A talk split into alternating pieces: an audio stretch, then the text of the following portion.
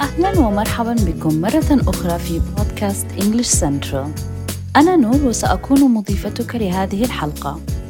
سنتحدث اليوم عن الفعل الإنجليزي الأكثر استخداما to be في المضارع. سوف نناقش الأفعال is, am, are في مواقف مختلفة.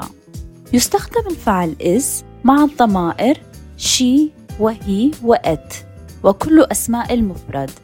يستخدم الفعل are مع الضمائر we, you, they وجميع أسماء الجمع يتم استخدام الفعل am فقط مع I إليك بعض الأمثلة I am happy I am sad to see you go She is beautiful He is a smart guy You are a brave person We are a strong team. إذا كنت تريد تسمية أو إعادة تسمية شخص أو شيء ما في الوقت الحاضر، فإن الاستخدام يكون حسب الموضوع ووصفه. تكون بنية الجملة كما يلي: الفاعل زائد am, is, are زائد اسم أو عبارة اسمية. Subject plus am, is, are plus noun or noun phrase. إليك بعض الأمثلة. I am a doctor. I am his cousin. She is a dancer. He is my best friend. Mr. Smith and Miss Boyne are my neighbors. These girls are athletes. إذا كنت تريد التحدث عن فعل يحدث في الوقت الحاضر فإن بنية الجملة كما يلي الفاعل زائد is am أو are زائد الفعل زائد ing إليك بعض الأمثلة I am eating salad.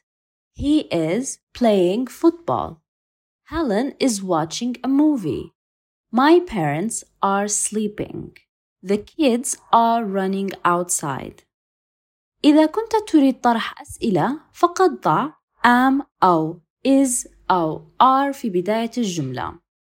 Is he okay? Are you coming? Am I really that tall?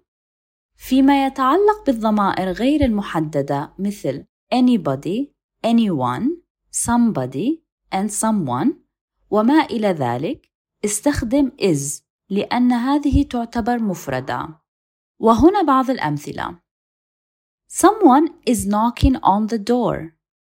Everyone is nice to me. Nothing is written on the paper. لديك الآن كل المعلومات التي تحتاجها لاستخدام الفعل to be. هذا كل ما في حلقة اليوم. أتمنى أن تكون قد تعلمت شيئا ما معي.